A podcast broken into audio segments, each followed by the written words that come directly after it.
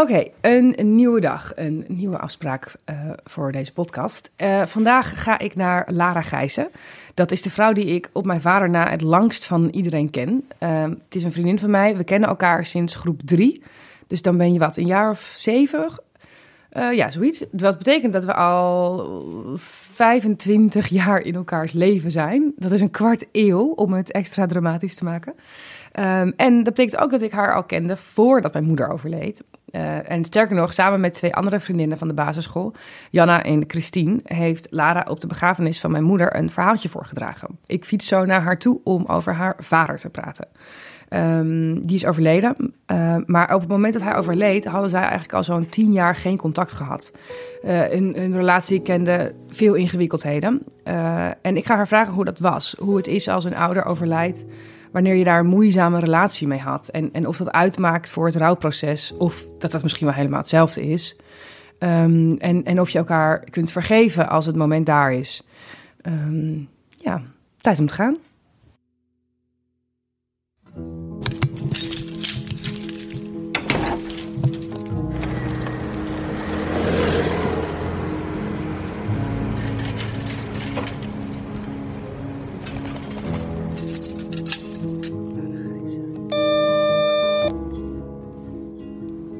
Hallo. Joe. Joe.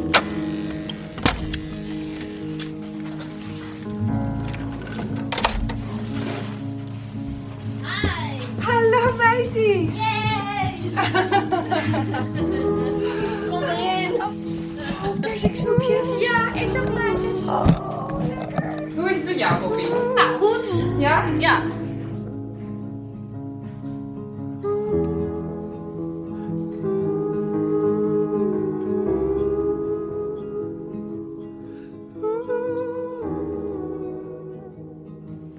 Mijn vader was wel een hele excentrieke, ja, een beetje een ruwe vent. Die, die ontzettende leven, levensgenieter. En die, die wilde eigenlijk overal een feest van maken. Het moest altijd gezellig zijn. Het moest altijd op reis. En, en er moest gelachen worden. En het was, dat was fantastisch aan hem.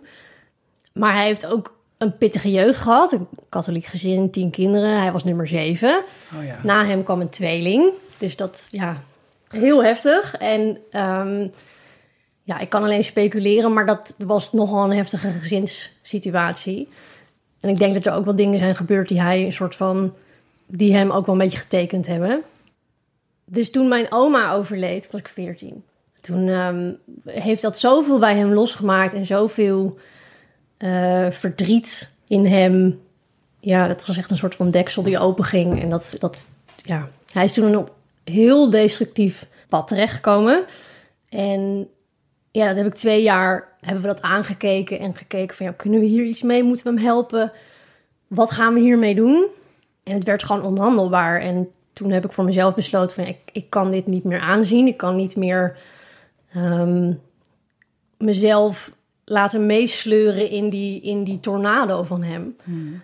En dat was heel moeilijk om te zeggen van, ja, ik ga afstand nemen van mijn vader die, die de man in mijn leven is. En we waren ja. echt uh, ik was als kind echt wel een vaderskindje. Hij was echt papa. Ja. En, en wij waren echt onafscheidelijk in heel veel opzichten.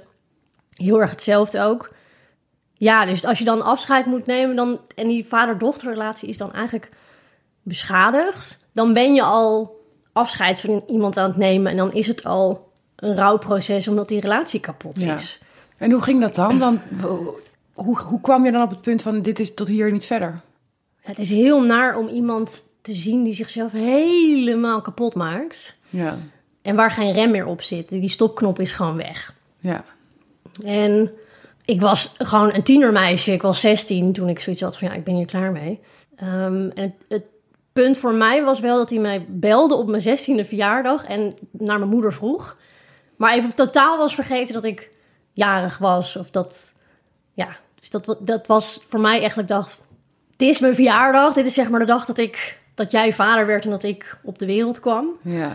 En dat was voor mij toen dat ik dacht, ja, je stikt er maar even lekker in. Ik Want even, als jullie, je ouders waren natuurlijk al uit elkaar en ja. uh, jullie woonden nu bij elkaar, ja. En um, ja, toen ook gewoon zoiets van, ik, je kijk maar even, ik, ik heb hier gewoon, ik wil dit niet meer. Ja. En als je dan afstand neemt, ja goed, die telefoontjes worden minder, het verwatert. je bent boos. En je, bent, je voelt je heel erg gerechtvaardigd, ook in je boosheid. Want ik had gewoon zoiets van, man, je bent mijn vader. Snap out of it. Ja. Eh, Had je tegen hem gezegd dat je die afstand nam of deed je dat gewoon? ik denk dat ik wel iets had gezegd. Ik, volgens mij belde hij en toen heb ik gewoon de telefoon opgehangen, heel dramatisch. Ja. En toen heeft hij wel, ik geloof tegen mijn moeder gezegd... Ja, waarom hangt Lara de telefoon nou de hele tijd op? Oh ja. Ik denk dat mijn moeder toen iets heeft gezegd van... Nou, ja, het is een beetje boos. Ja. Zoiets. Wat natuurlijk een understatement was. Ehm, maar ik, ja, toen had ik echt zoiets van... Ja, je bent mijn vader. Ik vind je gewoon een lulde behanger op dit moment. En ik heb even geen zin hierin. Ja. En ehm, nou ja, dan gaan daar jaren overheen. En dan, ja, ik ben gewoon gaan studeren. En heb gewoon geprobeerd mijn leven in te richten. Zoals je dat doet als je, als je begin twintig bent. En ja, wel heel veel verdriet gehad van die relatie die gewoon kapot was. En, ja. En hij- helemaal, helemaal geen contact in die tijd. Nee. En ehm, ja, hij is gewoon een, echt heel specifiek een ander pad gekozen. Van ik ga nu, dit is nu mijn leven. En Ja. ik ga mezelf gewoon helemaal kapot maken. Dat was echt een, bijna een soort commitment die hij, zo leek het. Precies, want hij, hij verbeterde zijn, zijn destructieve gedrag ook niet. Nee, Nee, dat ging alleen maar door. nee, dat is echt, eh, echt enorm bergafwaarts. Alle remmen los, met gierende banden. Ja. Ja, En sprak hij, je hebt een broertje Tim, sprak Ja. hij Tim wel nog? Tim heeft wel nog een tijdje contact met hem gehad, maar dat was voor hem ook heel zwaar. Ja. Tim is drie jaar jonger dan ik. Ik was 16, hij was 13. Dat is ook een hele Ja, groot verschil dan. Ja, maar ook wel een hele belangrijke leeftijd in een, in een jonge jongens Ja. leven. En dat was voor hem gewoon ook te veel. En hadden jullie het daar met elkaar over? Of kon je het er, kon je er niet over hebben, bedoel ik eigenlijk vooral? Nou ja, wel. We hebben wel gesprekken, nu nog steeds wel ook. Ja, Ehm, het heeft onze relatie veel hechter gemaakt. Omdat je toch allebei in een soort van idioot schip zit met z'n tweeën. En denkt, ja. wat moeten wij hiermee? ja precies. Ja. Dus dat, dat gaf wel heel veel binding. Maar ja, het was voor ons allebei heel moeilijk op een andere manier. Je gaat, je gaat ook maar door met je leven. Maar het is ook, het is ook iets heel geks dat je je, een van je ouders niet spreekt. En dat, je, dat mensen dan wel vragen van... Ja, je hebt het eigenlijk nooit over je vader. Hoe zit dat dan? Wat zei je dan? Ja, ik dacht altijd van dat merken mensen niet. Ik was er zelf niet zo heel bewust mee bezig met... ik praat niet over hem Ja, dat gaat dan zo, want hij zit ook niet meer in je dagelijkse programma of zo. en in je anekdotes. Ja. En je zegt steeds mijn moeder in plaats van mijn ouders. Ja, Ja, dus dat, dat heb je zelf op een gegeven moment ook niet meer door of zo. ja. Ja, en dan, was het, dan moest ik wel een beetje uitleggen van ja, we hebben geen contact omdat het niet meer ging. Ja, maar waarom dan? En dan word je een soort van eh, geduwd in iets waarvan je denkt, ja, maar ik wil hier helemaal niet over praten, want het is, het is moeilijk, het doet pijn. ja. En ja, de, mensen bedoelen het dan ook heel goed met... eh, ja, maar eh, moet je dan niet het goed maken? En moet je dan niet... eh, bel je hem dan niet? En denk je nooit aan hem? Dan denk ik, ja, natuurlijk wil ik dat het goed komt. En natuurlijk denk ik aan hem. En ik heb vaak genoeg gedacht, moet ik niet langs fietsen? Moet ik niet bellen? Moet ik niet... Ja, maar wat tref ik dan aan? ja. En hoe repareer je iets wat, wat iemand die echt helemaal voor zijn verslaving kiest en onder zo'n verslaving zit 9 van de 10 keer gewoon een zee aan verdriet en pijn en trauma wat, wat gewoon niet opgelost kan worden zelf. En ja, om die pijn even te verzachten en dat dan 100 keer op een dag, kies je ervoor eh, om die verslaving te omarmen. En als ik foto's zie van de periode dat ik hem niet gezien heb, dan zie je ook wel dat hij in zijn mimiek en in zijn. Hij was echt helemaal soort van overgenomen. ja. Dus En- even langs fietsen had, het, had niks geholpen, bedoel je? Nou, ja. Ik was ook wel bang om hem. om wat ik zou aantreffen. Zeker als ik nu die foto's zie, denk ik van. Oh, ik ben blij dat ik hem niet echt gezien heb toen. En ja, wat zeg je dan? Hoi Ja. pap, ben ik weer of zo? Ja, dat. Ja. Vond ik ook wel moeilijk. En ik had zelf, ik was heel koppig en trots. En ik had zoiets van, ja, jij belt mij ook niet. Dus Ja. ik jou ook niet. en jij bent hier de, zit fout. En ik ben het kind. Dus ik heb er achteraf geen spijt van in die zin. Want het is gegaan zoals het is gegaan. En daar heb ik niks meer aan te veranderen of over te zeggen. Maar het is wel heel verdrietig dat het zo is gegaan. Het, Ja, het had voor mij ook niet gehoeven of zo. nee. Liever niet. Nee, want op een gegeven moment werd je gebeld. Ja. Ik kwam uit werk en mijn broertje belde mij van waar ben je? Nou, dan is het vaak, Ja. heb je een, hé, hey, waar ben je? Of een, waar ben je? Ja. Dus het was zo'n, waar ben je? Ik zei, ja, ik kom net uit werk, ik ga met een vriendinnetje eten. Ja, je moet even, bedoel, sta je even rustig ergens? En toen zei hij, ja, ik ben gebeld eh, en eh, papa gaat dood. Nou, dan word je echt een soort van tegen de vlakte geslagen eh, als je dat hoort en alles zuist. En het is je, zo onwerkelijk. Je snapt wat je hoort, maar je snapt niet wat je hoort. En ik, ik stond daar echt een soort van in zo'n draaideur op kantoor van wat? En maar rondjes blijven lopen omdat ik niet begreep wat hij zei. En ik moest eruit, maar het lukte niet. En eh, toen zei hij van ja, we moeten vanavond afscheid nemen. Dus ik, ik wist helemaal niet, ik, ik- ja, ik kom eraan. En eh, toen had ik mijn vriendinnetje gebeld met wie ik eigenlijk zou eten. Van ja, sorry, ik kan niet komen, want mijn vader gaat dood. En gewoon opgehangen ook. Dat ik denk, achteraf had zij zoiets van, hè, wat? wat? Ja. En toen ben ik naar huis gefietst. En eh, ja, echt in een soort waas. In, in een soort waas van paniek. En, en tuurlijk gaat hij niet dood. Het is mijn vader, die kan niet dood. Die man gaat niet dood. Die is een soort van onverwoestbaar in, zijn, in hoe die is en zo. Die, dat, dat, dat is onmogelijk dat hij... Dat bestaat niet. Ja. En Toen stond ik ook bij het, bij het stoplicht en toen stonden er twee vrouwen naast mij te kletsen over, weet ik veel. En ik wilde me echt omdraaien en zeggen: hou je bek, want mijn vader gaat dood. En ja, dat heb ik niet gedaan overigens. Maar ja, ik had echt zoiets van: waarom is iedereen nog aan het auto rijden en waarom, waarom staat er niks stil? Want er is Ja. iets heel ergs aan de hand. En nou ja, toen kwam ik thuis en toen hebben we even iets, soort van een boterham naar binnen gegooid en naar het ziekenhuis. Eh, dat was op een donderdag. En toen is hij op een zondag overleden. Die zondag Oh ja. erop. En hoe waren die, die dagen tussen donderdag en zondag? Ehm, ja, je had hem jaren niet gezien op dit punt. Nee, en dan kom je in zo'n ziekenhuiskamer en dan ligt daar gewoon een heel, ja, zielig lijfje wat helemaal op is. En Ja. eh, hij leek niet meer op, ik bedoel, hij was heel ziek.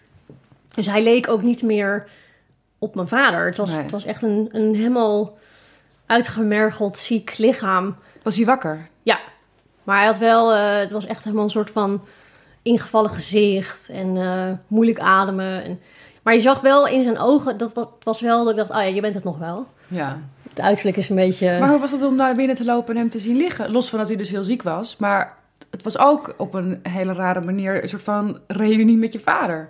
In een hele gekke context. Ja.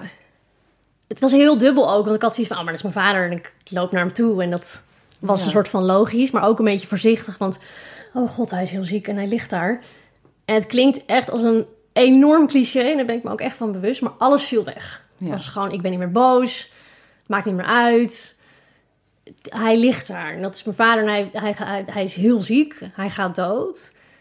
Als niet in het ziekenhuis, dan in een, in een hospice. Ja. Daar zou hij dan ehm, de week erop naartoe gaan. Dus ik had zoiets van, ja, maar dit, dit, dit gaan we niet doen. Dit, eh, ik, hij gaat niet alleen dood en hij gaat niet... Ik, ik wil er voor hem zijn. En ik wil hem de laatste dagen, uren van zijn leven... moet hij in elk geval het gevoel hebben dat ik... Of weten dat ik van hem hou en dat het, dat het goed is zo. Ja. Ehm, ik ben eigenlijk elke dag in het ziekenhuis geweest om zijn haar te knippen en zijn nagels te knippen en hem een beetje te fatsoeneren. Ik zei, ja, papa, als je straks in die kist ligt, dan moet het natuurlijk niet, moet je er niet als een soort van, woeste, woeste Willem bij liggen. Dan moest hij dan nog wel een beetje om lachen. Hadden jullie gesprekken toen? Ja, op zich wel. Hij had wel momenten waar hij gewoon kon praten.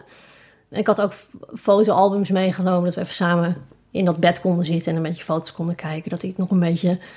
Ja, ik had dan helemaal bedacht dat hij dan in elk geval nog met een soort van leuke, lieve beelden van vroeger kon gaan. Wat een ongelofelijke blijk van liefde. Ja, Na, na, zo, na zulke heftige jaren. Dat Ja. is best bijzonder. ja. Dat je dat blijkbaar in je had zitten, toch? Ja, en dat was ook wel, ik bedoel, boosheid is natuurlijk ook maar een emotie. En Ja. ik heb altijd van mijn vader gehouden. Er zat altijd liefde, maar het was gewoon te moeilijk. Ja. En om mezelf te beschermen heb ik gewoon het een beetje een soort van een hekje om mezelf heen gezet. Ja. Wel een hekje met een deurtje, maar ja, god, het was gewoon te moeilijk. En dat viel allemaal weg toen ik hem zag. En dat ik dacht van ja, maar dit, ik moet voor hem gaan zorgen nu. En toen zijn ze op een gegeven moment, ik denk op zaterdag, vrijdag of zaterdagavond, zijn ze met kwalitatieve sedatie begonnen. Oh ja. En ja, toen was het wel, hadden we wel nog gesprekken in de momenten dat hij helder was. En toen heeft hij ook wel gezegd van ja, het spijt me zo voor alles wat ik heb gedaan. En als ik het over mocht doen, zou ik het allemaal anders doen. En ik, ik hou heel veel van je. Ja, dat was zo, zo lief en zo fijn. En dat ik dat mocht hebben nog met hem. En ja, het klinkt dan een beetje misschien suf of, of nogmaals als een cliché. Maar ja, het was goed zo. Ja. Was gewoon vergeven en, en ik kon... Ik had daar vrede mee. Maar ja, als iemand dan, dan een beetje tussen het, het hier en het daar zweeft... Want dat lichaam is aan het doodgaan. En die ziel die er nog in zit, die heeft zoiets van... Ja, mazzel, ik wil er helemaal niet uit. Ja. Dus dat is zo'n gevecht in zo'n lichaam. En ja, op een gegeven moment... Hij was wel echt een beetje aan het, aan het ja, murmelen of mijmeren. Ja. Ehm, en wel echt, ja, gewoon er niet bij. En op een gegeven moment had hij dan een, een, wel een helder moment. En je hebt in, het ziek, in zo'n ziekenhuisbed zo'n driehoekje waar je jezelf een soort Ja. van op kan trekken. Dus opeens had hij een soort van helder moment. En toen was hij, dat lijf was echt op. Het was, het was skin and bones. Ehm, was hij zichzelf helemaal aan het optrekken en zei: Ja, eh, ik ben helemaal klaar met deze ballentent. We gaan. ik zei: "Pa- Pap, ehm, waar wil je heen dan? Ja, naar huis natuurlijk. Lara, pak mijn broek. Ik wil naar huis. Deze ballen. Ja. Ik zei, ja, pap, je, je kan op zich niet meer lopen. Ehm, en, en, maar en naar huis, dat gaat... Stel je niet aan, we gaan. Ik zei, oké. Dus er was helemaal zo aan dat driehoekje. En nou, dan kwam hij weer in een soort van... Dat weer, Ja, dat is een ongelofelijke soort levenskracht die er op zo'n moment dan uit zo'n totaal vergaan lichaam komt, Ja. hè? Ja. Het was echt, het ging helemaal nergens over. Ja. En toen zakte hij er weer een beetje weg en toen, toen lag je eigenlijk weer te slapen. Maar zo'n opleving dat je denkt... Maar het was ook zo, zo daadkrachtig van, Ja. we gaan. Ik wil hier helemaal niet zijn. Ik ben het zat. Ik heb er ook heel hard om moeten lachen toen we daar, daar zaten. Dat is toch zo gek dat, zo'n, dat, dat die emoties ook zo dicht bij elkaar zitten. Dat je Ja. inderdaad opeens heel hard moet lachen terwijl je bij je vader zit die aan het doodgaan is. Maar dat kan dus ook gewoon. Ja, Ja. Ja, ik moest, maar ook omdat het. Dat was echt hoe hij was. Dat was echt Ja. zijn karakter van, eh, weet je wel, niet eh, miepen, wrijf er een beetje zand in en we gaan weer. En eh, weet je wel. Ja, echt wel een beetje zo'n zo'n oude zeebonk. Hmm. En dat ondanks dat dat lichaam gewoon helemaal op was en hij gewoon hartstikke dood lag te gaan, kwam ineens dat karakter van hem weer Ja. naar boven. Van ja, dus dat vond ik wel heel fijn om nog te zien dat hij, dat hij er nog in zat. ja, snap ik. En hij is toen zondagmiddag overleden. Ik was toen net. Ik, had een, eh, ik was nog een studie aan het volgen. En ik eh, had net een soort van online toets gemaakt. En ik had mijn jas al aangetrokken om te gaan. En toen werd ik gebeld van eh, hij is overleden. Ja, dat is heel debiel en raar. Dan sta je daar met je jas aan en is het... Nee, maar hij is niet dood, want ik ga nu naar hem toe. Dus dat kan helemaal niet. Ja. Dat kon ik niet rijmen of zo. Het was gewoon error. Ja. Want ik zei ook nog, ja, maar ik kom er nu aan. Eh, ja, het bezoekuur is nog wel, maar hij is overleden. Oh ja. Ja, nee, dan niet. Eh, bedankt. En toen heb ik opgehangen. Want ook gewoon dat je denkt, die, die mensen moeten ook gedacht hebben van... eh, nee, oké. en toen heb ik ook naar, was bij mijn moeder thuis en toen heb ik ook naar boven geroepen van... Ja, mam, pap is dood. Oh, ik ben echt heel... Het is gewoon zo van... Nou, toen kwam mijn moeder naar beneden en toen hebben we even thee gedronken, maar ook een soort van. En, eh, en nu? En toen had ik zoiets van, ja, dan, dan, ga, ik- ja, dan ga ik maar boodschappen doen. Dat, dat, ja. Je had geen zin om daarheen te gaan. Ja, ik vond, het, ik vond het heel moeilijk om hem dan... Ja, weet ik niet. Ik had gewoon ineens zoiets van, ik ga boodschappen doen. En, Ja. en ik had, ja, een dood lichaam en zo. Ja. Weet ik niet.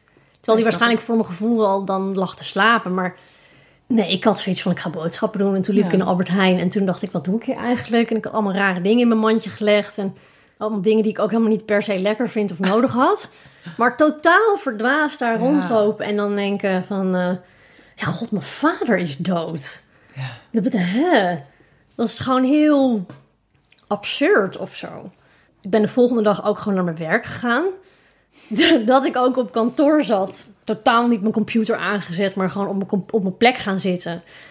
En dat mijn baas binnenkwam en die wisten, zij wisten wel wat er speelde, maar dat hij ook zei: Hey, goedemorgen, eh, wil je koffie? Ehm, ja, maar mijn vader is dood. Dat, hij ook zoiets had van: Maar wat doe jij hier dan? Ga naar huis. Ja. Ik zei: Oh ja, ja, nee, dat is inderdaad. eh, ja, ik ga. En toen ging ik weer. Het was allemaal Oh, zo. lieverd. Ja, zo'n totale error in mijn hoofd van... Ik weet helemaal niet wat ik moet doen nu dat hij dood Nee. is. Dat is... Ja, wat doe je dan? Ja. En ik Boodschappen doen. boodschappen doen. Ja, ik weet, ik had helemaal zoiets van, ja, moet ik dan... Wat moet ik? Ja, ik had Ja. helemaal geen idee. Nee. Ja, dus nou ja. Toen ben je wel naar mama weer gegaan. Of- Ja, toen ben ik naar huis gegaan en toen ben ik eigenlijk de hele week thuis gebleven tot de begrafenis.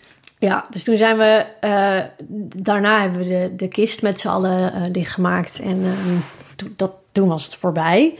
Hmm. En toen ben ik nog wel... ehm, het was een hele mooie dag. Zijn we op het terras lekker eh, wat gaan drinken met z'n allen. En Ja, en dan inderdaad, dan ga, je, dan ga je naar huis en dan begint het. ja, en daar waarschuwt echt niemand je voor. Ik bedoel, los van het feit dat Ja. toen hij doodging... dat ik dacht, ja, maar wat moet ik dan nu? Ja. Je houdt jezelf een beetje bij elkaar tot die begrafenis. En dan in die week naar de begrafenis toe is iedereen ook heel erg met je begaan. En, en lieve berichten en telefoontjes. En moet ik boodschappen voor je doen. En, en moet ik een overschotel brengen. En Ja. na die begrafenis, dan, dan gaat alles weer door. Ja. Dan is het voor iedereen om je heen is het over. En waar niemand je voor waarschuwt, is dat je dan een soort van... Alles wat je bij elkaar hebt gehouden, als een soort van flubberpudding... dan uit elkaar flikkert. Hmm. En dat je dan... Dan begint het. En wat doe je dan? ja. Wat is rouw, denk jij? Ja... Ja, ik, vind dat, ik, vind, ik, ben er, ik ben nog steeds aan het trouwen. Je denkt dat je voor altijd blijft rouwen als Ja. een ouder of iemand belangrijks doodgaat. Ja. Ja, het is wel echt iets, iets wat uit je geknipt is. Of uit je, nou niet eens geknipt, want het is nog, een, nog netjes Ja. doorgaans. Maar echt wel uit je gescheurd is. En ja, het, het is zo'n raar verdriet.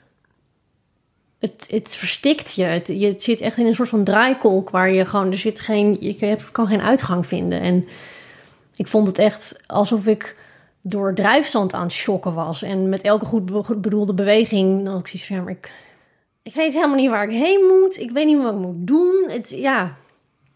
En eh, dat verdriet is wel, daar, daar kan je echt wel een beetje in verdrinken. En ik, ik begreep toen ook wel beter dat mijn vader dat verdriet helemaal niet aankon toen zijn moeder overleed. En dat het gewoon te veel was. Dat hij ook helemaal niet meer wist wat hij... Want wat moet je dan? Dan is er iemand dood en dan... Ja, Ja. ik dacht ook steeds dat ik hem zag. Ergens in de stad, weet je. wel. Dan dacht ik ineens, oh, hè? Heel suf. Dat ik denk, je, nee. Want in de jaren dat ik hem niet zag... was het niet alsof ik dan dacht in de stad... hé, hey, wacht, zie ik hem daar? Ja. was ik helemaal niet mee bezig. En dat rouwen, ja. Ik vind wel dat door de jaren heen eh, het een beetje als een, een steentje wat je op het strand vindt, wat door, door de zee helemaal in het zout en het water helemaal glad is gemaakt. Het is er wel, maar het wordt wel zachter en minder ruw en naar en pijnlijk. ja. Het wordt wel liever of zo, of zachter.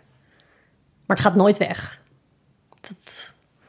Want toen hij, in het moment dat ik dacht van ja, ik weet helemaal niet wat ik moet doen, dan ga je maar alles doen. Althans, ik had er een heel project voor mezelf van gemaakt. Ik dacht, oh ja, ik ga eerst allemaal dingen regelen dat ik zelf een goede begrafenis heb ooit. Ik, had al, ik ging al muziek uitzoeken en zo. Dat ik echt dacht, nou, dan is dat maar goed geregeld. En ik had heel veel behoefte aan ja, vastigheid en iets wat niemand kon afpakken. Dus toen heb ik ook maar dit huis gekocht waar we nu dit aan het opnemen zijn. Ja, en ik, ik, ik had zoiets van, ja, ik moet, eh, ik moet iets doen. Ik moet alles doen. Ik ga ik, dus therapie en eh, ja, dan ga ik elk jaar, eh, moet er een ritueel zijn of, of een, of een ja, iets wat ik dan ga doen, wat speciaal is. Oh ja, dus toen ging ik een soort van bijna krampachtig op zoek naar... er moet iets gedaan worden waardoor ik hem kan eren... en waardoor ik ervoor kan zorgen dat hij geëerd wordt... en dat hij, dat hij ook weet dat dat gaande is en dat iedereen dat weet. En ik was er heel erg mee bezig. Uh, en als ik daar nu op terugkijk, denk ik, ja, dat hoeft helemaal niet. Nee, maar dat was dus blijkbaar een manier om er maar gewoon doorheen te komen. Om het een vorm te geven. Ik denk het wel. Ja. Ja. Maar hielp het? Achteraf wel, ja. Tenminste, het gaf me wel iets om te doen of zo. Dat klinkt Ja. ook een beetje gekkig. Maar Nee, dat snap ik wel, ja. Ik had er echt een project van gemaakt. En ik dacht ook, als ik dat rouwen nou goed aanpak... alsof het een soort schoolproject was... als ik dat rouwen nou goed aanpak... ehm, ja, dat is dat, eh, ga ik er minder eh, onder lijden... en dan ben ik er sneller doorheen. Ehm, Maar dat viel tegen. dat viel enorm tegen. Eh, geen aanrader, is geen quick fix. Dat Nee. is er gewoon niet. En hoe praktisch het ook klinkt om dan... Oh ja, als ik niet weet wat ik moet doen... dan ga ik maar alles doen in een soort van projectmanagement vorm. Ja. Dat is heel praktisch, maar zo werkt het gewoon niet. Want het is in rouw en verdriet, er zitten zoveel lagen in. En momenten waar het heel goed gaat, dat je denkt... Oh, nou, we is zijn er over. Het is Het is over, het is klaar. Nou, dat is prettig. Heb ik ook zo vaak gedacht. En dat je dan, dan ineens eh, mentaal of emotioneel een hoekje omgaat. En dan ineens denkt: Oh god, het is er weer. Oh nee. Eh, oh kut, het zit hier ook in. Nou, eh, ook, ja, goed, hier moeten we ook mee dealen. Wat kan ik uit mijn trucendoos halen van mijn hele project wat ik heb gedaan? Ja, dit, je, het is niet iets waar je heel erg op voor kan bereiden. En het is ook niet iets wat, je, wat mensen je leren. Of wat ze, ja, Ja. het is niet een soort van Het is geen handboek. Nee, er is Nee. Geen, het is niet een soort IKEA-pakket waar je als je alle stapjes hebt gedaan, alle, geen schroefjes overhoudt, dan ben je er. Ja. Dan ben je rouwen af. Dat zo, nee. Ik vind het wel mooi wat je zei, dat je door, door het rouwen om je vader meer begrip kreeg voor hem. Ja, Voor zijn demonen die hij zo lang heeft gehad. ja, Want dat had natuurlijk ook, het had ook heel goed kunnen zijn dat als iemand doodgaat en je hebt zo'n lastige laatste periode met elkaar gehad, dat er een hele hoop onbeantwoorde vragen liggen en dat daar allemaal, dat daar allemaal spoken in zitten. Was dat ook zo? Of Ehm, nou, het, het mooiste wat zijn overlijden mij heeft gegeven is dat ik hem kon vergeven. En dat als je dat kan in het mensenleven wat wij, eh, wat wij hebben, dat geeft zoveel rust. En dat geeft zoveel, dat is echt uit liefde doe je dat. ja, En dat vond ik wel, eh, als ik nu ook terugkijk, ik bedoel, ik ben nu eh, zeven jaar verder en volwassen. en waar ik me met soms toch wel moeite door het volwassen leven heen manoeuvreer, kan ik veel meer kijken naar mijn ouders en denken, of in dit geval naar mijn vader, van joh, oh arme man. Wat een shitshow is het leven ook. Ik snap dat je, dat je zoveel verdriet hebt gehad. En ik snap dat dat ook gewoon niet soms gewoon niet te managen is. Hmm. Ehm, en dat je gewoon die demonen, ja, die moet je aankijken. Daar moet je mee gaan zitten. Je moet dat schaduwwerk doen. Je moet ze niet proberen te verstoppen, want zo werken demonen niet. Ze vinden je wel. En het maakt niet uit hoeveel liters drank je in jezelf giet of hoeveel, hoeveel drugs je in jezelf gooit. Ze zijn er totdat je ze aankijkt en er wat mee doet. Ehm, en ik, ja, ik ben wel veel empathischer en liefdevoller naar hem gaan kijken. En ja, zachter ook in de keuzes die hij heeft gemaakt.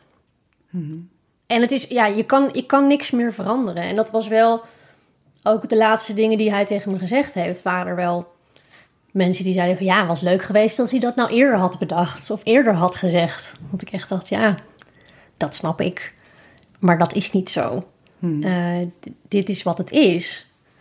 En ik moet verder. Ik had heel graag gewild dat dingen anders waren. Ik had heel graag gewild dat hij. Kijk, als ik het voor het zeggen had en een toverstafje had, dan had het hele leven er überhaupt anders uitgezien. Maar dat, dat is niet zo. En ik vind het heel fijn dat ik op een hele liefdevolle manier naar, aan hem kan denken. En dat mijn leven gewoon verder gaat. En dat ik hem in mij draag. Dat hij voortleeft in mij en in mijn karakter en hoe ik ben. En dat ik heel veel van hem in mij zie, maar ook in mijn broer. En dat, ja, dat vind ik fantastisch. Dat, dat, maakt, dat maakt dat hij, ondanks dat hij zijn leven op een manier heeft ingericht die, waar ik niet voor zou kiezen, maakt dat zijn, ja, hij heeft ertoe gedaan. Ik bedoel, je hebt, die doet er altijd toe, maar zijn aanwezigheid en afwezigheid was belangrijk. ja. En dat, ja, Ik vind mezelf best wel leuk. En dat komt ook een beetje door hem. Vind jou ook heel leuk. Ja. Waar, wat, wat heb je van hem? Wa- waarin zie je hem in jezelf? Ehm, mijn vader had wel echt zoiets van... Ja, er moet, je, je moet altijd ergens een soort van silver lining aan humor kunnen vinden in iets. En ergens over kunnen lachen. Want anders is het leven een hele bittere, zure zaak. Dus ik probeer wel altijd de humor in situaties te zien die niet leuk zijn. Maar ook gewoon... Ja, eigenlijk is alles gewoon heel grappig. En ik probeer ook altijd wel overal een beetje een feest van te maken. En, ehm, maar ik, ik heb ook wel dat hij eh, is heel koppig. En heel, ehm, ja, soms ook wel een beetje principieel. Heel grote liefde voor dieren. Ja, nou, Ja, het is dat de mensen het niet kunnen zien, maar als ik het woord poes zeg, dan ga jij altijd... Dan geef je licht. ja. Ja, dus het, ja. Ik vind dat fijn dat ik dat, Ja, die karakterdingen van hem heb. Ook de niet leuke dingen. Want als ik ergens klaar mee ben, dan ik kan iets heel lang prima vinden. En als ik dan klaar ben, dan is het ook gewoon opeens klaar. Hmm. Dat ik dan ook opeens klaar ben met een huis of opeens klaar ben met iets, dan is het ook gewoon klaar. Ja. En dan, dat is het dan. En dat had hij ook. En dat, ja, dat vind ik toch grappig dat iemand die ook heel lang afwezig is geweest, dat, dat ja, DNA en, en genetische eh, zaken gewoon, Ja, dat zit er gewoon. Dat is niet, Ja. dat, dat vind ik eigenlijk ook wel heel grappig en leuk Ja. om te zien dat, eh, dat ik daar gewoon niet aan ontkom. zeker niet. Nee. Denk je dat je een eh, relatie kunt onderhouden met iemand die dood is? Ja. Ja, en hoe doe Ja, dat? zeker wel. Ja? Ja. Ehm, nou, als kind, ik praat heel veel in mezelf, hardop. Eh, en dat deed ik als kind ook. Dan was ik hele gesprekken en dan was ik gewoon in mijn kamer heel druk aan het praten. Ja. En vroeg mijn vader altijd van, eh, krijg je ook antwoord? en dat werd een soort running gag waar hij dan vroeg, heb je, eh, krijg je antwoord? Nou, vandaag niet.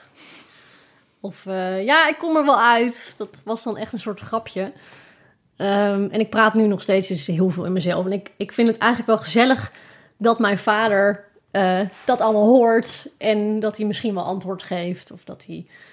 Ja, ik voel wel dat hij er is. En dat hij... Dat geleuter van mij, dat hij daar wel een beetje om moet lachen.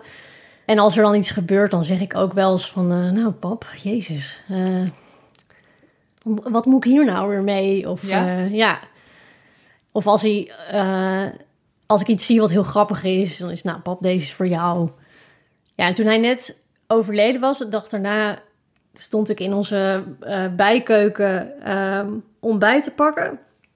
En ik dacht, ja god, waar is hij dan nu? En, en is hij dan weg? Of is hij in het ziekenhuis nog een soort van blijven Ja. hangen? Of ik, ja, ik had, was daar heel druk mee bezig met waar hij dan was. En we hadden drie spotlampen ehm, of spotjes in het plafond. En eentje was er kapot. Er was, was iets met de bedrading, was niet lekker. Dat was heel, heel lang kapot. En terwijl ik dat dacht, ja, maar waar is hij dan? En kan hij me zien? En kan hij me horen? Springt dat lampje ineens aan, dat ik echt dacht... ehm, pap, ben je daar? Niet dat je dan ineens, ja, ik ben er, hoort. Maar dat lampje was wel... Ja. Ja, en ehm, ja, zo zijn er ook wel andere momenten geweest dat ik... ehm, ik heb zijn as uitgestrooid in India. En die hele reis was verschrikkelijk. Ik ben India wel gewend omdat ik er gewoond heb. Maar ik was drie weken gaan rondreizen. eh, een reis gaan maken die hij ook heeft gemaakt. En om zijn as uit te strooien. En ehm, nou, ik ben tijdens die reis heel ziek geworden. En, en het was nou ja, loei zwaar dat je een jaar nadat iemand doodgaat zegt... Nou, ik ga gewoon even naar India. Even zijn as uitstrooien. En dan... In je eentje, toch? Ja, Ja. in mijn eentje. Ik heb ook nog een dag voordat ik wegging dag, gedacht van... Nou, nee, ik ga niet. Maar het moment dat je dan uiteindelijk dat- hem uitstrooide, hoe was dat dan? Nou, het was een heel ehm, mooi meer. Vlakbij eh Udaipur. Dat is mijn favoriete sprookjesplek in, eh, in het noorden van India. En dat was wel heel fijn, want ik stond met een vriendinnetje eh, die ik uit India ken. Die, die was mee en... Nou, ik stond gewoon een beetje in het Nederlands iets te zeggen, maar ik wist ook niet zo goed wat ik dan moest zeggen. En, nou, pap, ik hoop dat je dit een mooie plek vindt. Waarom koos je die plek eigenlijk uit? Ik vond het een hele rustgevende, mooie plek. Een heel mooi uitzicht ook. Ik dacht, in water is ook wel, wel mooi. En mijn vader hield heel erg van reizen. En eh, die eh, is ook zes maanden door India gereisd. En dat vond ik toen zo indrukwekkend. En hele mooie foto's gemaakt. Dat ik zoiets had van, ja, dat, daar wil ik heel graag heen. En ik was, nou, ik heb in India gewoond en ben er wel vaker geweest. Dus op zijn sterfbed hebben we het daar ook nog over gehad. En ehm, ja, toen zei hij, ben je naar Rajasthan geweest? Ik zei, nee, nog niet. Dus toen had ik zoiets van, nou, dan ga ik naar Rajasthan, ga ik hem daar uitstrooien. Ja. En die hele reis maken. Ehm, ja, god, en die reis, die, het was gewoon heel zwaar. Want je bent vol aan het rouwen. Eh, je bent in je eentje in een, nou ja, doorgaans best heftig land. Ik, ja, toch weer ook dat gevoel van... Wat ben ik nou aan het doen? En doe ik het wel goed? En wat moet ik... Ja, nee. En op het einde van de reis heb ik op zijn sterfdag... Ik heb op zijn verjaardag heb ik zijn as uitgestrooid. En op zijn sterfdag hebben we met vrienden op het strand van die lucht... ehm, Oh ja, van die mooie ballonnen. Ja. Die grote met een kaarsje erin. ja, zo van die wensballonnen. Lampionnen. Ja, en toen had ik gewenst dat ik me nooit meer zo ellendig eenzaam zou voelen als tijdens deze reis. En toen kwam ik terug in Nederland en toen was mijn verbouwing van dit huis bijna klaar. En toen ehm, had ik een berichtje op Facebook gepost van ken jij of ben jij iemand met een poezennestje, want ik wil graag een poes. Toen waren de oude overburen van mijn huis waar ik met mijn ouders ben, eh, waar ik ben opgegroeid. Eh, die hadden een nestje. Dus eh, Daphne die eh, stuurde een bericht van... Ja, mijn ouders hebben net een nestje gekregen en eh, bel ze maar, dan mag je gaan kijken. Nou, dat nestje was ik denk drie of vier kittens... en er was er eentje die helemaal alleen zat. Eh, gewoon heel rustig op een stoeltje. En toen dacht ik, ja, dit is, dit is helemaal mijn vriendin. Dit gaat goed komen. En nou, toen mocht ik haar eh, eh, hebben en dat is Kiku. Je kind. Mijn kind. en eh, ja, toen hebben wij ook de eerste nacht in het huis. Was allebei dat we hier voor het eerst kwamen en dachten: oh god, een nieuw huis. En, Ja. maar ja, dat is helemaal goed gekomen, want ja, ze is echt mijn kind. En toen gingen we naar de dierenarts voor haar vaccinaties en, en, en dat soort dingen. En toen vroeg ze om haar geboortedatum. En toen had ik de moeder van Daphne even een appje gestuurd van wanneer is Kiko eigenlijk geboren.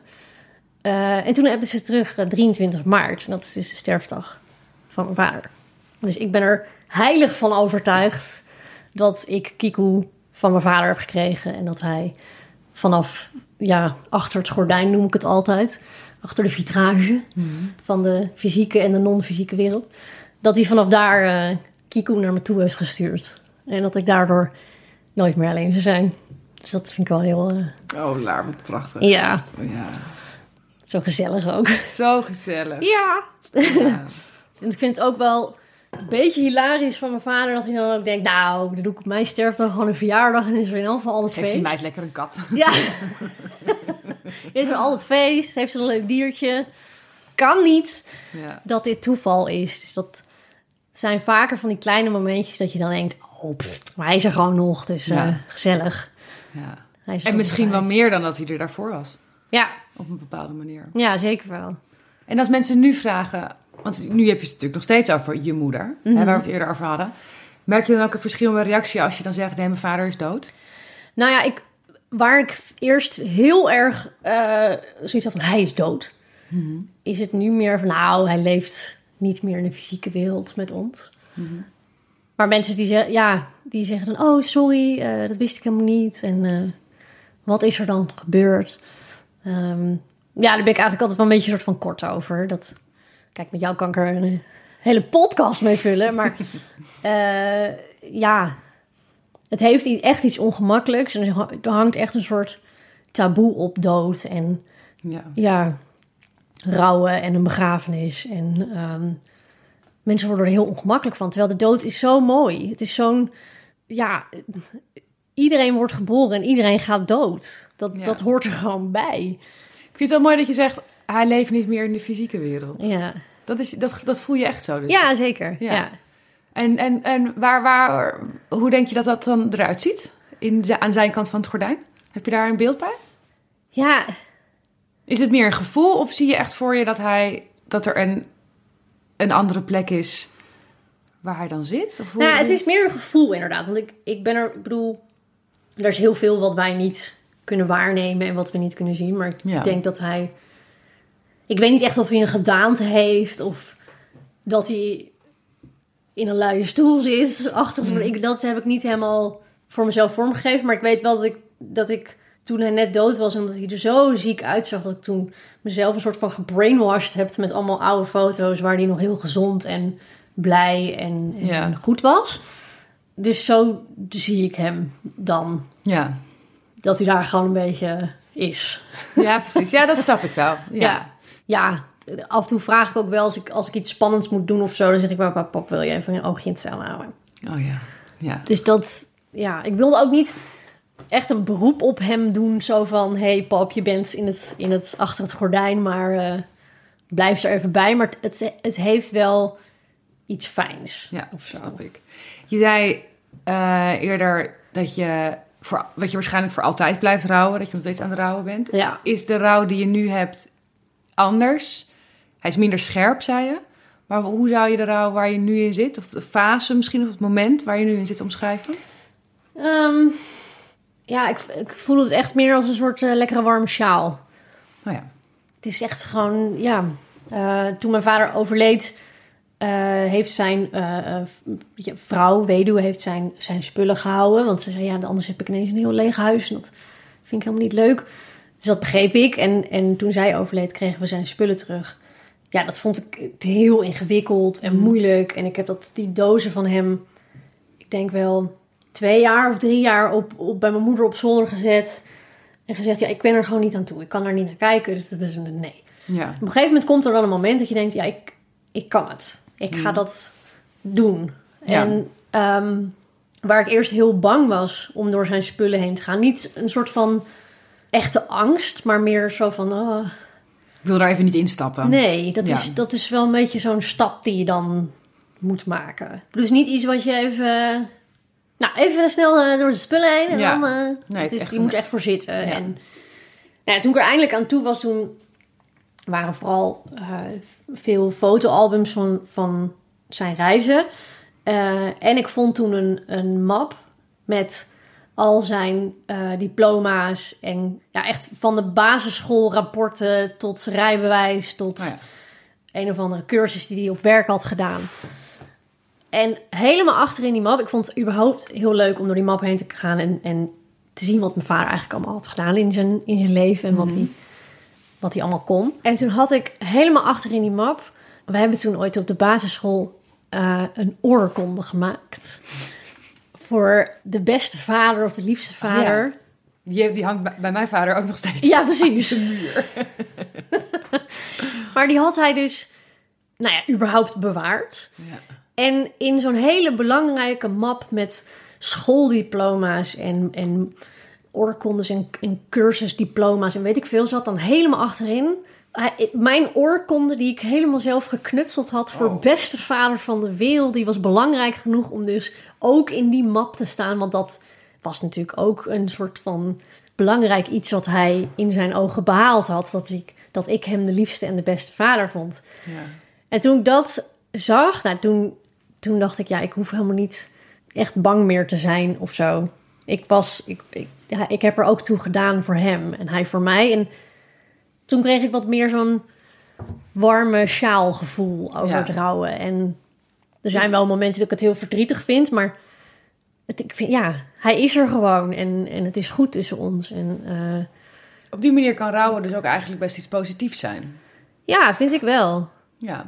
Ik, ja, ik ben niet bang voor de dood. Ik vind Ja. dat iets heel moois wat bij het leven hoort. En ik vind dat we daar zo koud en krampachtig en, en naar over doen. En huh, dood, oh, wat moet ik tegen iemand zeggen? En eh, nee, dan zeg ik maar niks of iets heel onhandigs. Ja. Terwijl het, ja... Kijk, ik, het is niet dat ik denk van, ik, ik heb zin in de dood. Laat maar komen. Maar ik weet wel van de begrafenis van jouw moeder... dat wij eh, met onze klas en de klas van jouw eh, zusje Barbara... een liedje hadden geleerd van Kinderen voor Kinderen. Ja. En het refrein was... Wees niet bang, wees niet bang. Een leven duurt een leven lang. En dat had toen... Ik bedoel, überhaupt de hele begrafenis van jouw moeder... maar dat had toen zo'n indruk gemaakt... dat ik dacht, ja, ik hoef helemaal niet bang te zijn daarvoor. Want een leven duurt een leven lang. En daar hebben we helemaal niks over te zeggen. Wel over de invulling. Maar wanneer het komt, dan komt het. En ja, ik vind het juist zo mooi. Ja, als je het zo zegt, dan denk ik, ja, daar heb je eigenlijk wel gelijk in. Ja, Ja. Dat liedje, ja, goed dat je dat toch weet. ja joh. Ja, En dat fantastische, fantastische verhaal dat jij met Janna en Christine hebt verteld. ja. Maar nu is zijn goede leven voorbij. Het is mooi gestorven in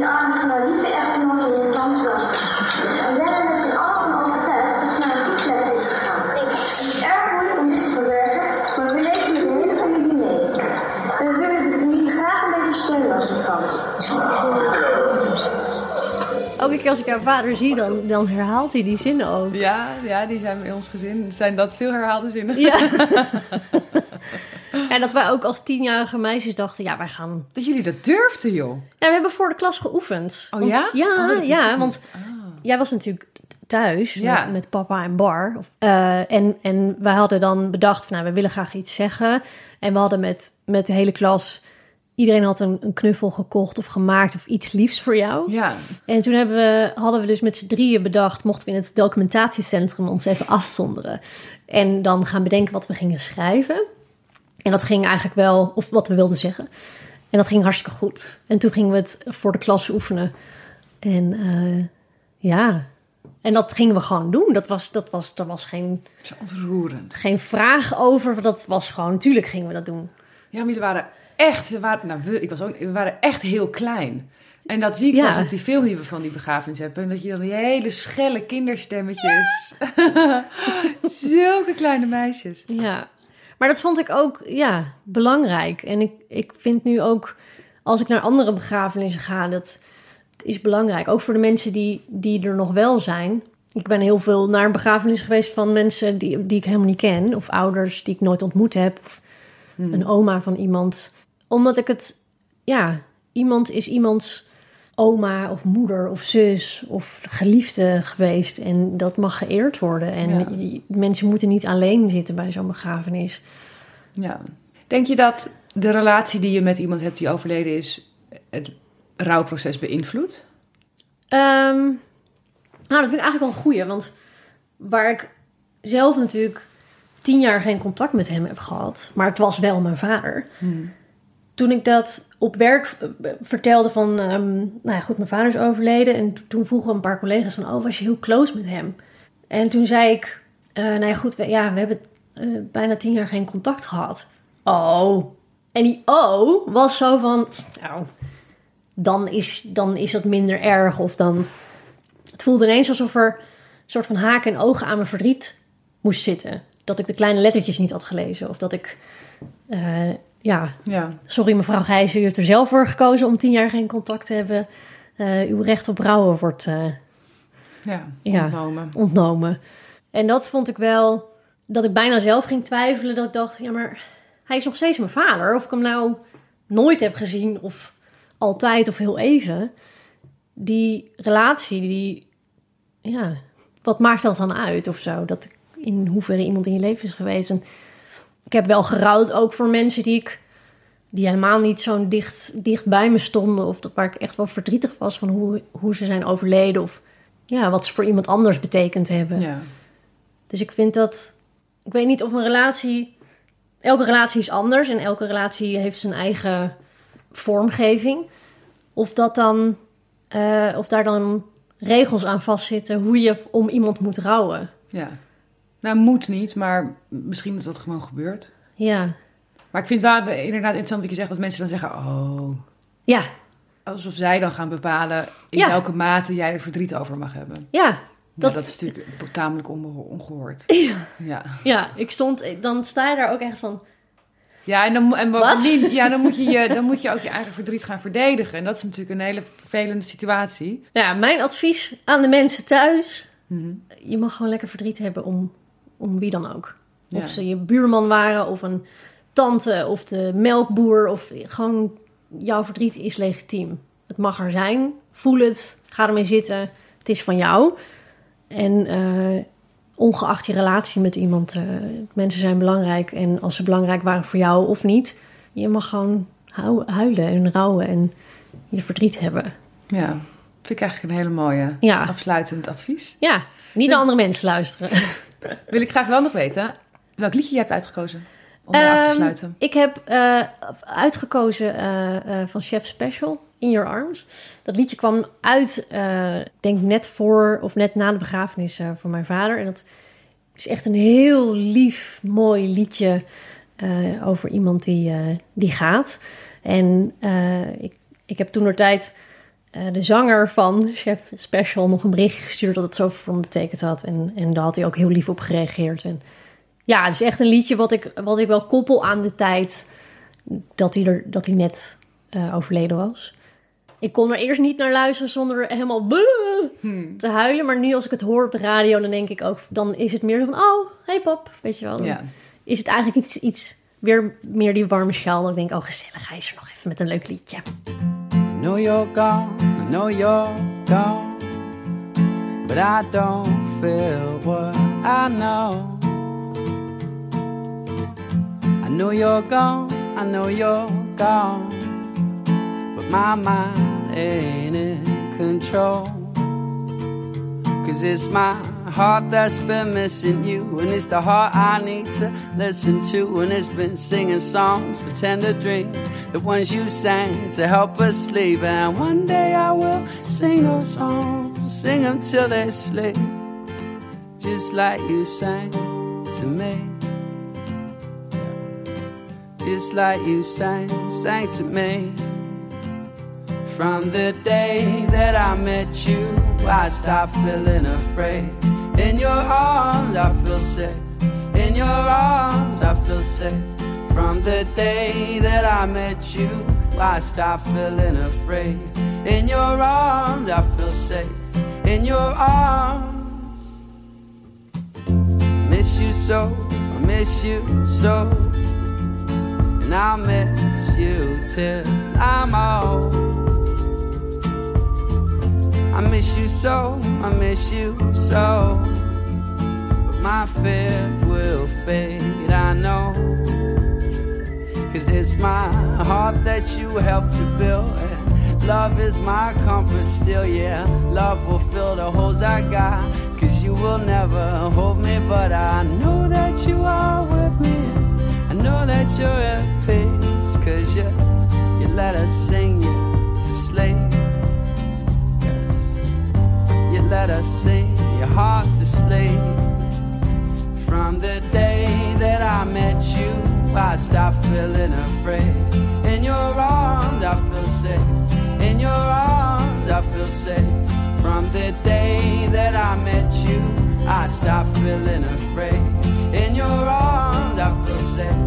In your arms, I feel safe.